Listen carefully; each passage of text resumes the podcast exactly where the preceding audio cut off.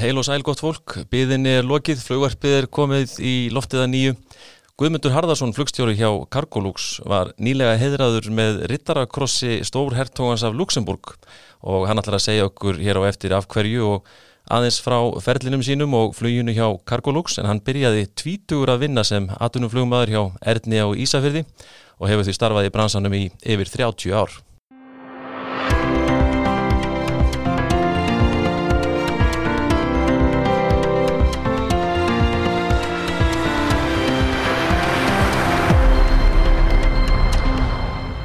Já, verið velkomin með okkur í flugvarpið, eina alvöru hlaðvarpið um flugmál á Íslandi. Guðmundur Harðarsson er mættur til okkar hérna í stúdióið í Kópavóinum og tilöfnið er meðal annars að uh, það er ekki alls fyrir löngu að hann var sæmtur orðu stórhertogans í Luxemburg. Verður velkomin, Guðmi. Takk að fyrir Jóhannes. Heyrðu, fyrst svona til að byrja þetta, uh, fyrir hvað varst að fá orðu? Heyrðu, þetta er nú orða sem veitt er uh, í, í Luxemburg. Mm og er nú bara fyrir velunin störf hjá einu og sama fyrirtækinu í meirinn 25 ár. Já, já það telst til tíðinda, menn men, men tóri svona lengi?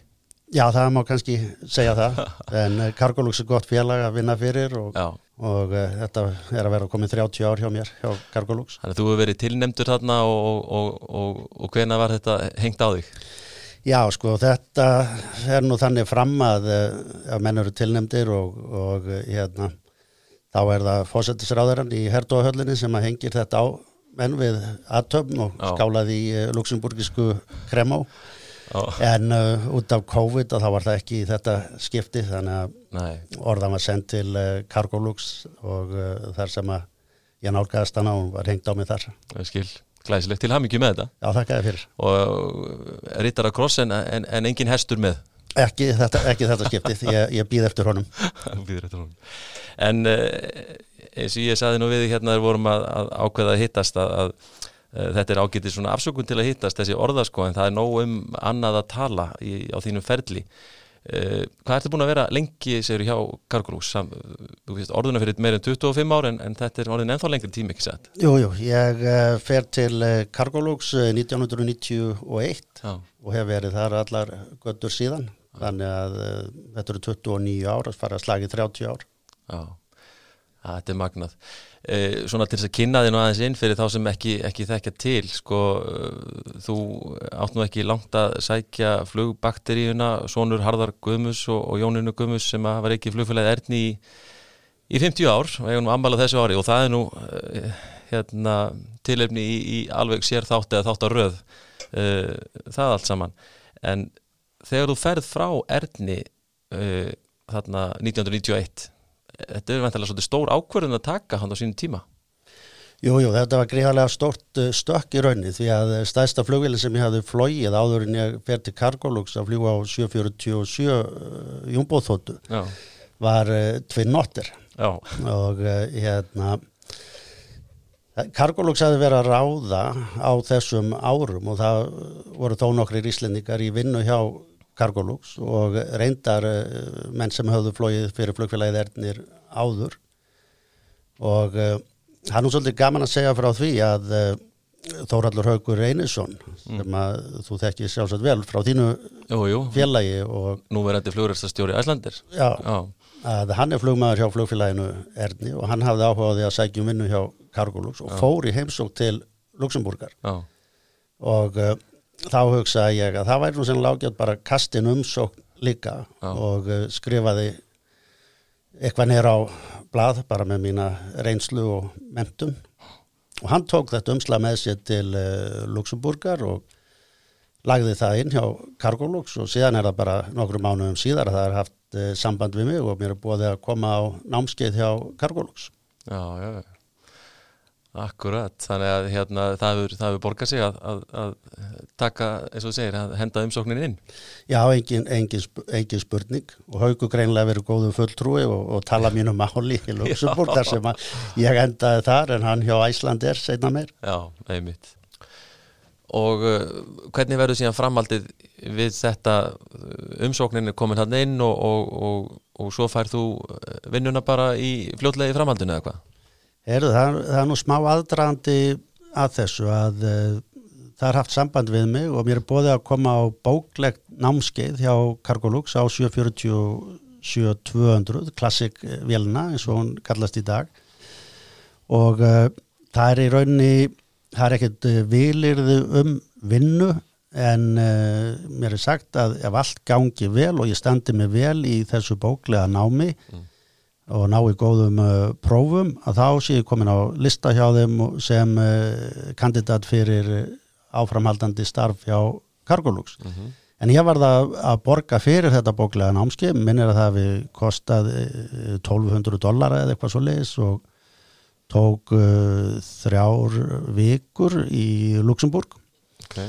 og uh, hérna þannig að ég fyrir til Luxemburgar og uh, hérna veru gegnum allt námskið og það gekk bara alveg ljómandi vel. Og þegar námskið er, uh, er búið þá er uh, fyrsta persaflóastriði að rjótast út og það er smá svona óvisa hvað Uh, hvert sko framhaldið yrði, það vantaði þá ekki akkurat flugmenn á þeim tíma þannig, þannig að þeir heldu aðeins uh, aftur að sér höndum. Mm -hmm.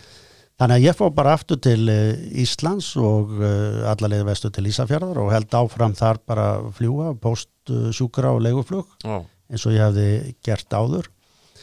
Síðan er það svona cirka þremur, þremur ef ekki fjórum mánum setna á 50 dags kvöldi að ég fæ simtal frá Luxemburg þar sem að ég er tjáða að það sé búið að bóka mig og ég er að byrja verklega þjálfun í simulator hjá Lufthansa á laugadegin á, á laugadegi og uh, hérna ég þurfa að vera mættu til Luxemburgar og ég að fara keirandi til Frankfurt uh, klukka nýju á laugadasmotni og ég sagði, já, heyrðu, það er bara ekkit mál, ég eh, hérna, kerir bara mig besta og tek bara flug frá Keflavík sem var þá daglegt flug á Luxemburg á, á, föst, á, eh, á hérna, förstu deginu til þess að vera, vera klár. já, já.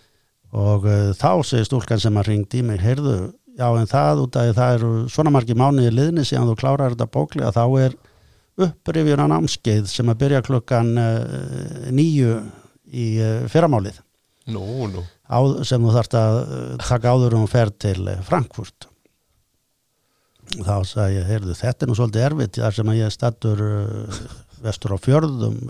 Það er nýfstal af öllum stöðum að hérna, þetta gæti nú verið svolítið snúið en ég skildi nú gera mitt besta en, en ef allt gengur upp að þá ætti ég að geta verið komin á háti á förstu degi Já Erðu það bara gott ef þú getur verið komin á háti á förstu degi og þetta er bara hérna upp á fjörðu hæðinni hjá Cargolux í gamlu byggingunni. Oh. En þá þurfti ég að koma með söður og það hérna voru aðilar, engaflugmenn á Ísafjörði sem áttu mjög góða flugvél, Skyhawk eh, TF6 oh. og uh, ég hafði samband við einn af eigundum þessara flugvélar og uh, sáðunum sögumina og hvað stæði til og hann sagði, heyrðu Þetta bara passar ágætlega. Við erum búin að vera að býða færis eftir að koma vélni til Reykjavíkur, hún á að fara í skoðun hjá honum Gauja og uh, það er bara alveg sjálfsagt að þú mátt fara á flugvélni til Reykjavíkur.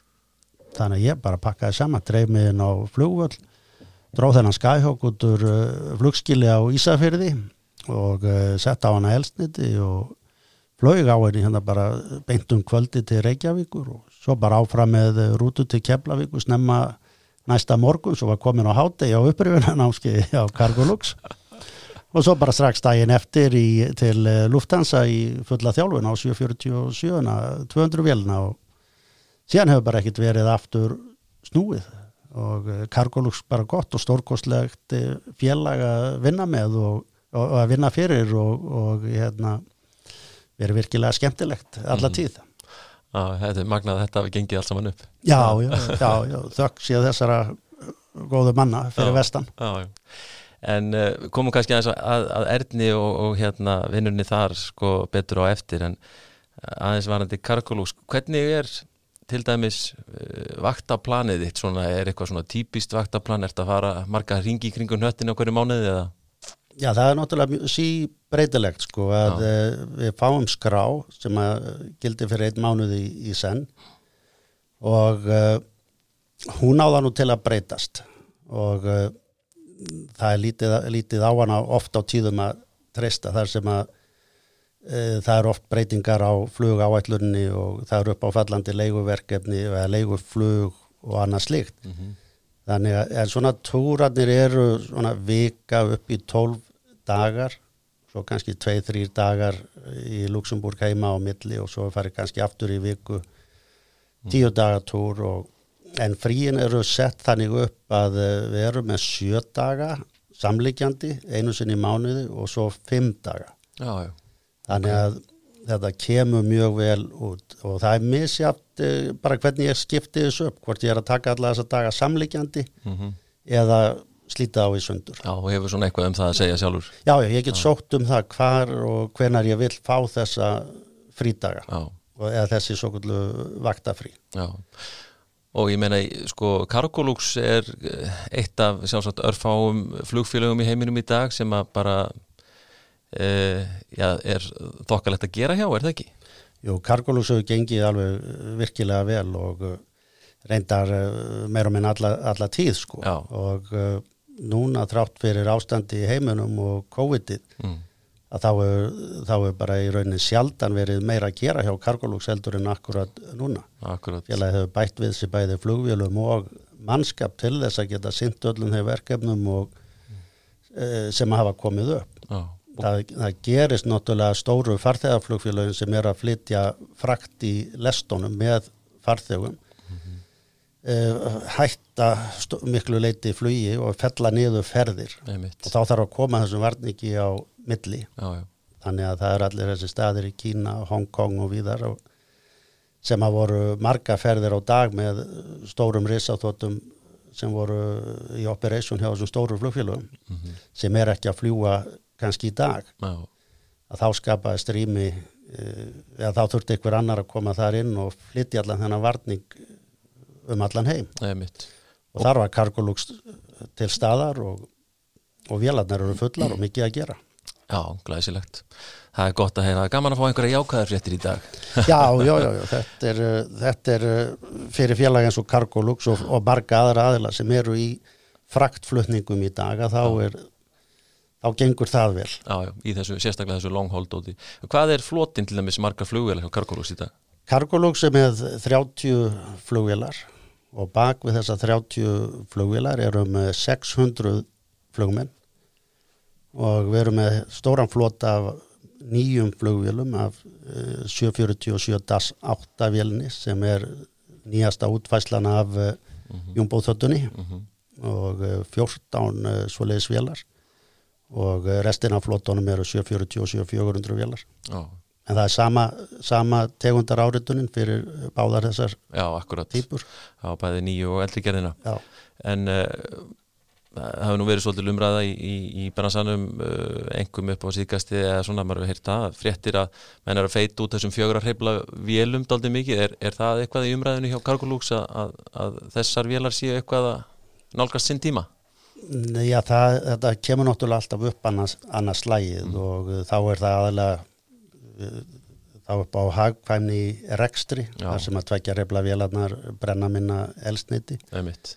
En eins og staðan er akkurat í dag þá held ég að elsniti sé ekki kannski stóri uh, faktorin í þessu þar sem elsnitisverð hefur lækkað alveg gríðarlega. Einmitt en uh, það er burðagettan sem að skipti máli og svo eins þess að sér uh, útbúinu frakt uh, flugvelar þar sem að er að opna nefi á flugvelni til þess að hlaðin stórum vörum eða sem sagt laungum sem að komast ekki í gegnum venjulegar hliðar hurðar á öðrum fraktflugvelum. Já, nákvæmlega Einmitt. Það er alltaf það sem er einstakt við þessa vél Já, þar hefur 747 alfarið vinningin Akkurat. og hún er náttúrulega smíðuð með það í huga alveg frá upphafi að geta nýst sem frakt flugvél líka það var hugsunin á bakvið smíðina á vélni þegar 1968-9 þegar að byrjar að hanna þessa flugvél Já, akkurat Já, þetta er mögnu flugvél.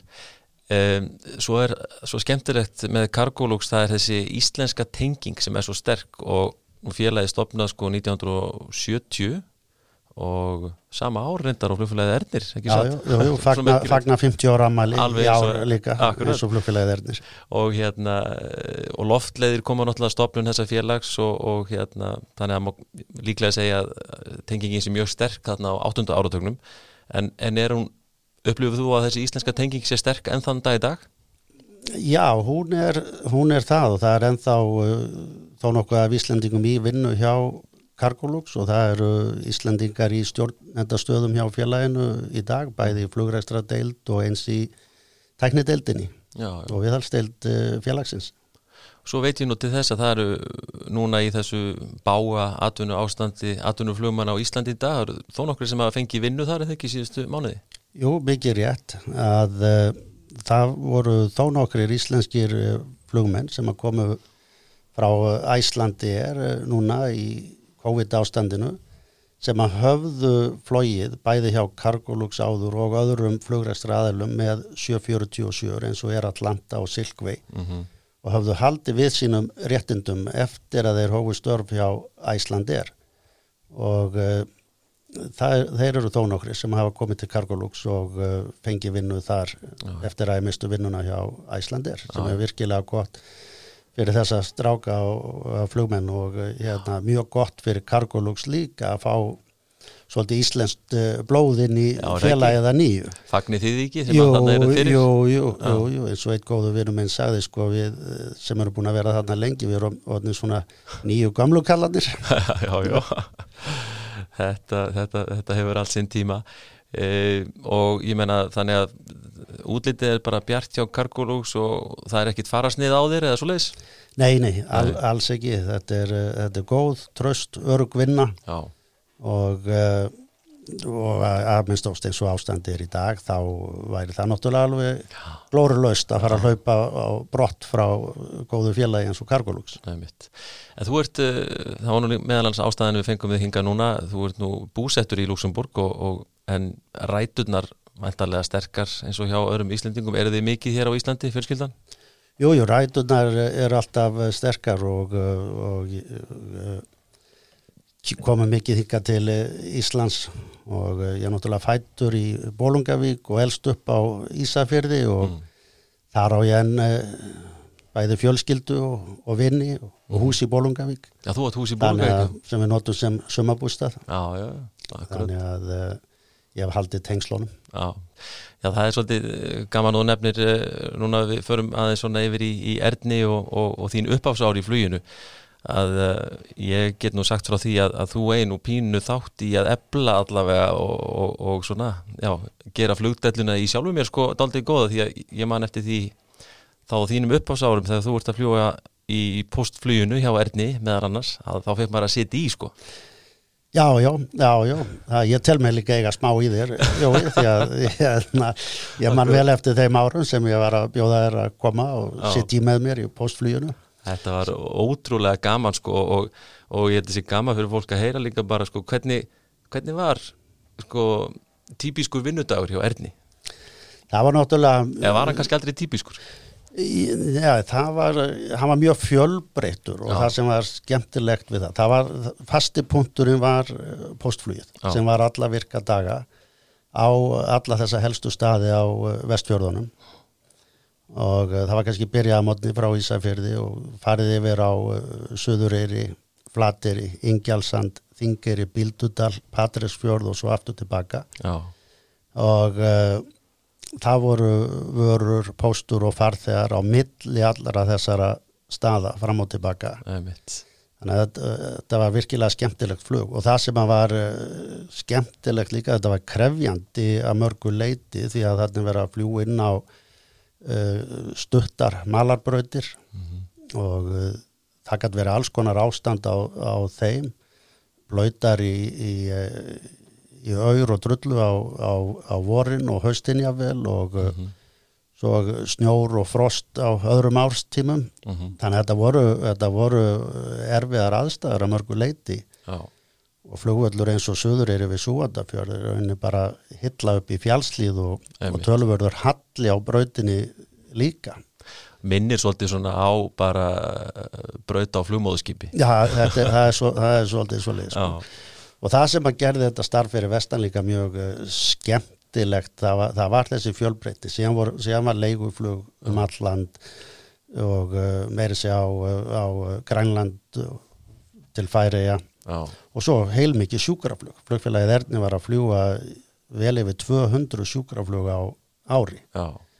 og það voru nokkra flugvila tegundir í notkun á sama tíma Ok, og uh, hvaða tegundur Og- voru þetta? ég byrjaði kannski daginn á því að fara í postflug á, á Piper Astic Mm.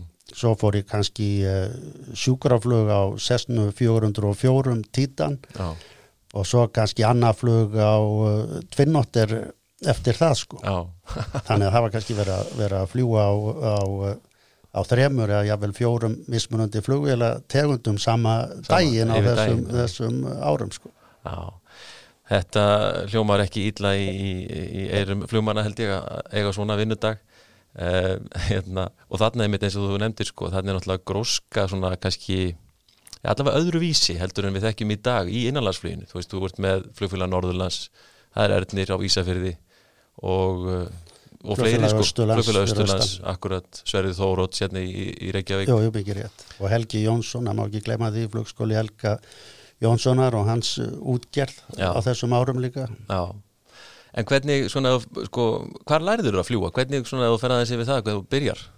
Erðu, ég var náttúrulega búin að læra mjög mikið bara á því að sitja í með uh, þeim flugmönnum sem voru að fljúa hjá flugfélaginu Erni áður en ég hafði aldur til til þess að fara í uh, flugnám. Já, En þegar, að því kom, þegar að var komið að því að þá uh, fór ég til Akureyrar og til uh, flugskóla Akureyrar já, og uh, byrja mína verklegu þjálfum þar. Og það er svolítið skemmtilegt sko því að á þessum, þessum árum að þá var, þá var daglegt flug náttúrulega milli Ísafjarðar og Akureyrar, flugfélag Norðurlands uh, flög þessa rútu. En uh, þetta var náttúrulega svolítið erfið þar sem ég var að, með vinnu ég, ég lærði bifvélavirki líka og hafði farið í einskólan og lærði bifvélavirkjun. Og eh, bóklega námið það þurfti náttúrulega að vera með vinnu. Ég gæti ekki hætt því til þess að fara engöngu í flugnámi því ég var alltaf ákveðin í því að ná mér í enga flugmannsréttindi Já.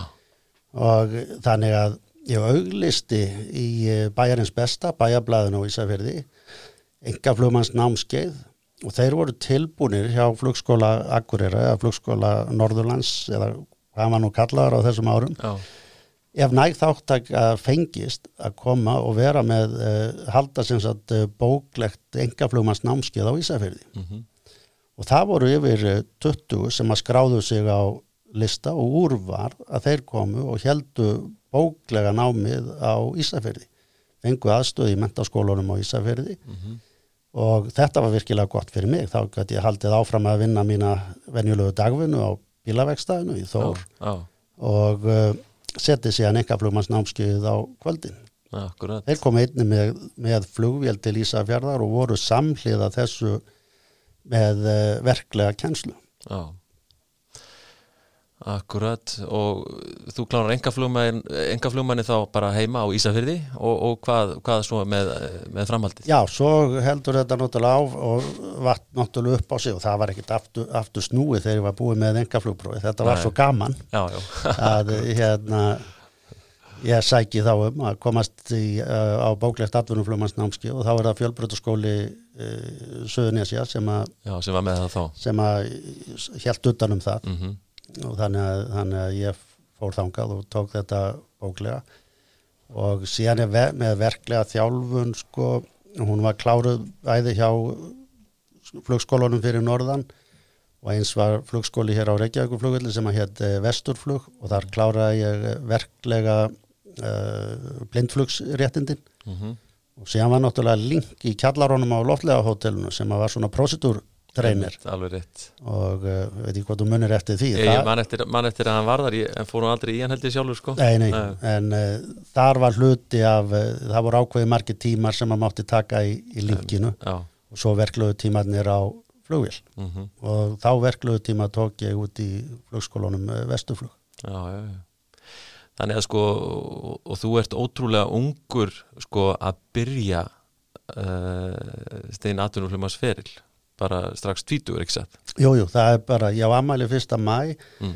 og það bara passaði að skólinn var búinn hann um vorið Já, og ég hefði þá náð að klára þann uh, flugtíma og annað sem að þurfti til að uh, fá útgefið atvinnumflugmanns skýrtinni bara nánast um leið og ég var búið með skólan Já, er ekki, ekki skemmt fyrir að, að vera með fjölskyldu fyrirtækið eitt stykki flugfélag.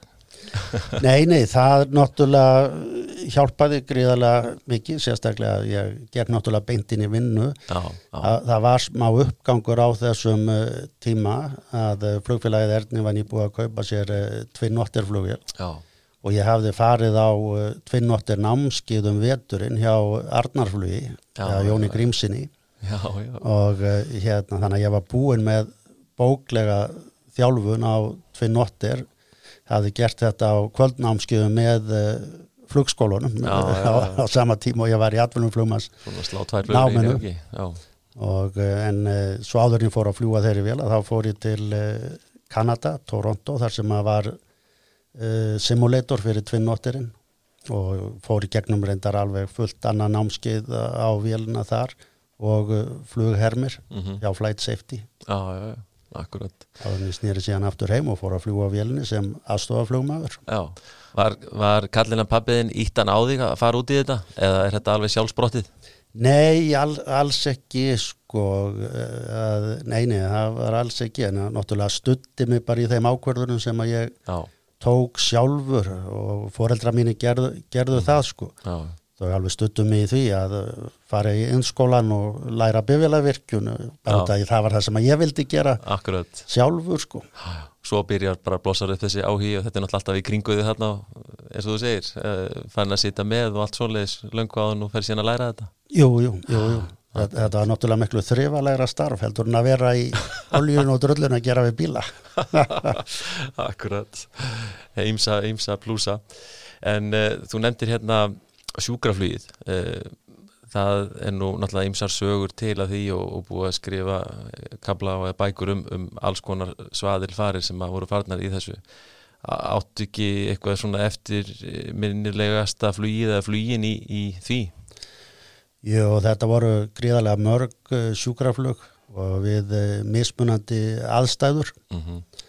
og ég held að það er ekki nema bara svona þessir eldri menn sko sem að þekkja þetta og viti raunni hvernig þetta var það var verið að fljúa inn á stuttarbrautir, malabrautir óupplýstar ah. það voru engin aðflug á þessa staði og þetta gæti verið virkilega krefjandi að lenda í myrkri inn á Reykjanes Reykjanes skóla ah.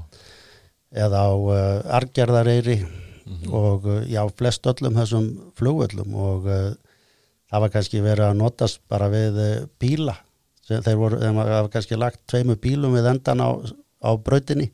Þannig að maður sæði hvað hún væri. Já, hvað hún byrjaði og endaði hvað hún byrjaði og endaði og Já.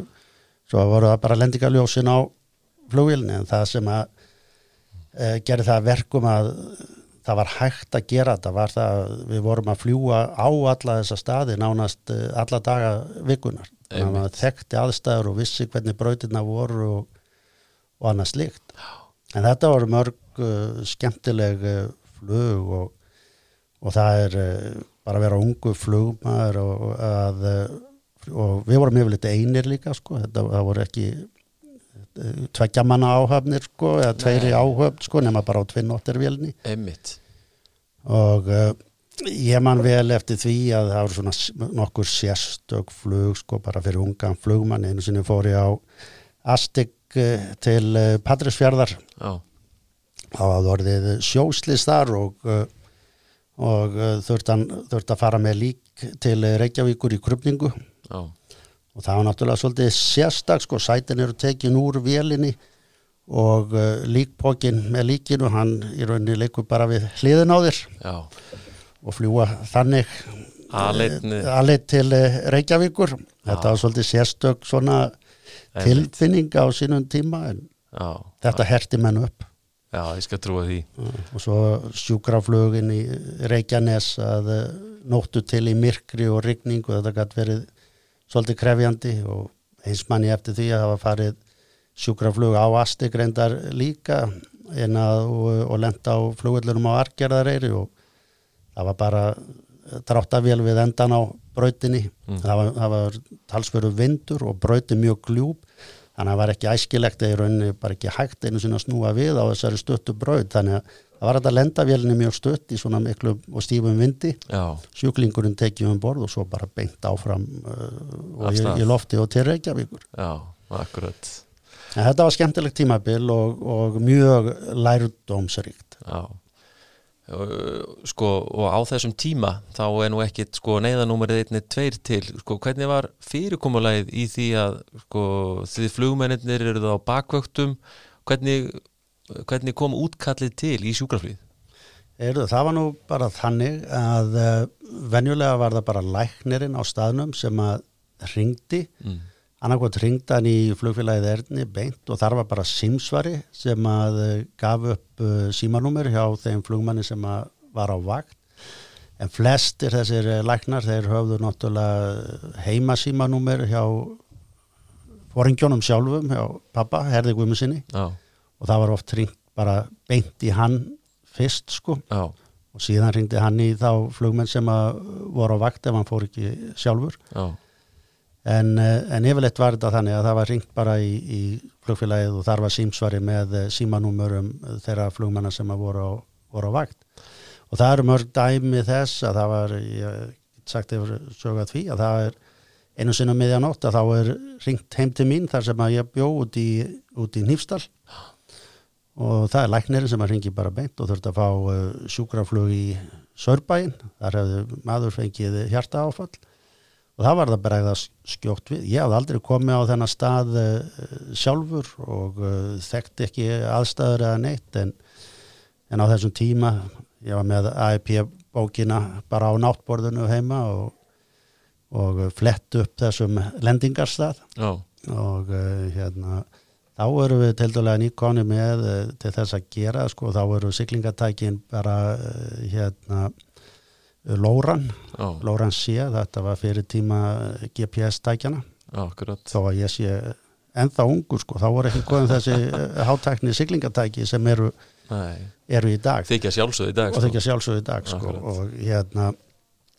þannig að ég bara brífaði læknirinn á því hvernig ég vildi hafa þetta. Það er stilt upp tveimu bílum við sikkvotn endan á brautinni. Já, og hérna það er að fara svolítið eftir vindátt uh, líka. Þeir gáðu mér nú svona þokkalega veðulýsingu á, á staðnum. Já, og þannig var þetta bara gert og það var skíjað þannig að sjúkrabillin og ég hafði beðið um það hann yrði bara á, þá, ef hann er komin á flugvöllin og hafa ljósin á. Þannig að það hjálpaði svolítið til og það kom, sást í gegnum sem sagt uh, rauðblikkandi ljósin upp í, upp í skíin og já að bara- Já, þannig að þetta sást og svo var bara á, farið á stað og vélarnar voru alltaf klárar í sjúkraflug, það var alltaf ákveði magna velsniti á flugvélunum mm og þannig að þær voru bara tilbúnar, dregnar út úr flugskilin á Ísafjörði Já, og farið á stað, svo slegið inn í uh, lórantækið uh,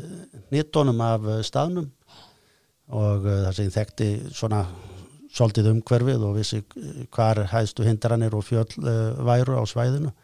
Síðan er bara að lækka, skrúa sér í rauninni bara niður í svona hálgjörðum holding eða í ringflugi beint yfir, yfir já, þangað til að var komið niður úr, niður úr uh, skýjum og þá sá ég bílana og hvernig þeir lístu upp uh, lendingastaðin sem var bara stöðt uh, malabraut. Og þá hefur gert bara í raunni sjónaðflug inn á, inn á þann völl og, og komið bara lágt yfir bílana sem að voru svona í sikkur hotninu á brautinu og lístu inn á brautina og Já, lent. Sjúklingurinn tekið um uh, borð og uh, flóið með hann suður. Og svo þegar þú kemur suður þá, þá, þá er túrin ekki búinn?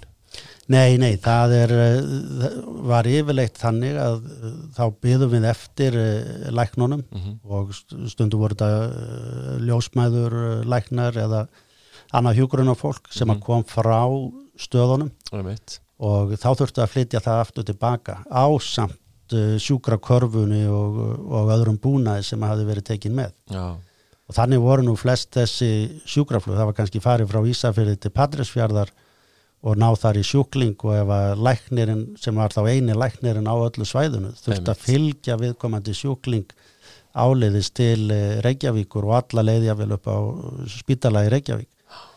Að eh, þá uh, byðum við flugminninir eftir að hann kæmi tilbaka með uh, sjúkrabilnum og uh, með þá korfun á annað slíkt og síðan var flóið aftur tilbaka á viðkomandi stað, læknirinn skilin eftir og síðan haldið áfram já, já. til Ísafjörðar. Akkurat.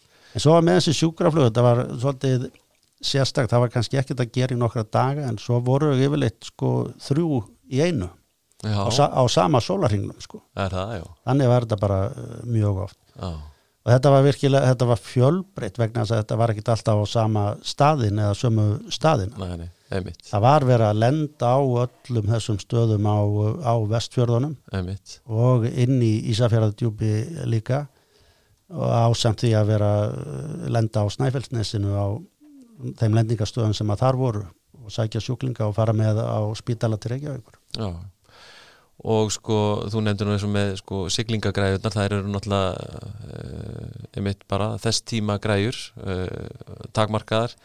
Þegar þú ert að gera og menn þurfa að gera bara aðflug hérna eins og þú ert að lýsa á þann bara með eftir auganu, bara komast út úr skýjum og svo klára þetta. Ég, ég get ímynda mér að menn sem þú hittir þegar þú byrja þinn feril hjá Kargurús hafa ekki alveg svona Eh, geta tengt við þennan veruleika?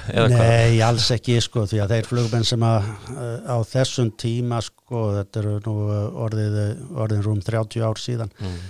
að aðbúnaðurinn í Evrópu var allt, allt annar og það eru langar malbygga brautir og mm. þessi strákar sem eru á mínum aldri og allast upp í Evrópu, hvort sem það var í Hollandi, Fraklandi Þískalandi þeir voru vanið því að fljúa bara eh, ægilegs aðflug en á langar malbyggar brautir og svo ja. jáfnvel ratarvektora þess á milli sko. Þó að siglingatækjunum borði velónum á þeim tíma hafi verið þær söm og við höfðum hér uppi sko. En þá höfðu þeir allan þennan búnað á, jör, á jörðunni niður sko, og, og, og langa brautir. Akkurat.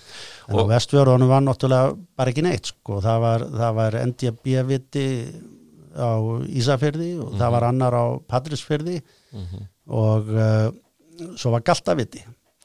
Þetta, og, og annarinn í Reykjanesskóla. Og svo var, var lokalæsi díum í aðflög niður Ísafjörðardjúpið Þetta var svona það sem var úr að spila. Þetta var, já, þannig að uh, þess að þurfti að fljúa bara sjónfluginn og út uh, alla þessa fyrði mm -hmm. og uh, þess að fór þetta svolítið eftir veðri líka hvernig þetta var flóið Stundu mhm. þurfti að fara bara uh, byrja að ringin frá Ísafjörðu og fljúa út fyrir bara ströndin alla leið vegna þess að Já, það var mjög láskíðað það var mjög láskíðað þá var það eina, eina leiðin. Já. svo í sumum tilfellum að þá var farið kannski beint á, uh, á Patrísfjörð eða á Bjarktanga og gert aðflug þar og síðan uh, fyllt bara ströndin inn og út alla þessa fyrði því að það var ekkert að komast yfir heiðar ef að lág skíahula ofan á öllum fjöllum. Já og ég uh, mann eftir einni sögu sem þú sagði mér með uh, frá Patró sem að tengdist einmitt sko græjónu þar brautarljósunum.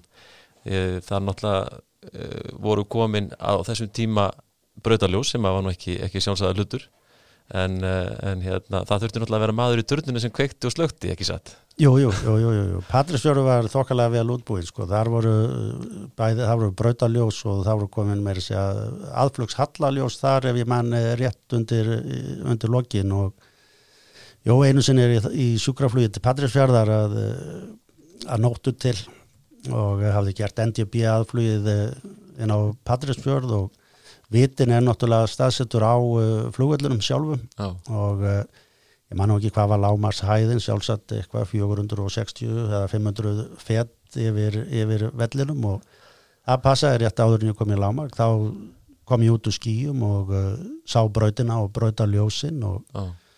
og þá klára ég bara svo kallar visual circling þannig inn í, inn í fyrðinum að nóttu til en í alveg lemjandi regningu og oh. síðan á þverlegnum og í beigjunni þá uh, byrði manninu turnum um að minka þenn spyrtun eða styrkin á ljósunum vegna þess að þetta, þetta blindaði mig alveg í rigningunni með alla pleituna á, á, á, á rúðunni og, hérna, og það vildi ekki betur til en svo að þegar hann er að dimma ljósina þá slögt hann all brötaljós þannig að þarna bara í lítilli hæði beigju og þverlega þarna missi allan referens og það var ekkit annað að gera en að fara bara á instrumentin aftur og reyna að klára klára beigjuna og sem að ég hugsa mér að fara bara á stefn aftur á vitan er með allt sett upp til þess að geta gert það og fari bara í brottflug Já. en þegar ég svona koma út úr því þá var hann búin að ná að kveikja ljósin aftur en þá er ég komin yfir, yfir bröytarendan en það var, það var nægilegt eftir að bröytinni til þess að geta dreyið af og, og skellt sér niður og, og lengt öruglega en bröytin var náttúrulega drullu svað sko í örbleitu. Það hefði verið það mikil, mikil rigning. Já. og sjúklingurinn var tekin um borð og uh, farið með hann til Reykjavíkur. Þannig að þetta gekk nú allt vel að lokum. Já er ekki svona, svona eitthvað smá, smá aukaslag hann þegar það er að ljósa slagna Jú, jú, mikið, mikið lóskup ég var, verða að viðkjanna það að ég, jú, ég var það smá skjelkaður í, í, í svona sjónaðflugi myrkri í grenjandi rigningu að, að missa þann kontakt sem að ég já. hafði við jörðina Einmitt. á milli fjalla þarna í, í já þetta er svo sem ekki þraungur fjörðum eða við marga aðra sem að við vorum vannir að vera fljúa inn og út frá á vestfjörðunum sko þetta þurfti alltaf að vera hár nákvæm það var ekkit svigurum fyrir eitthvað sirkabát í þessu Nei. þú þurftir að hafa góða tilfinningu fyrir tækinu og flugilni mm. og hafa hana í rauninni eins og við segjum bara algjörlega í pöttunum mm.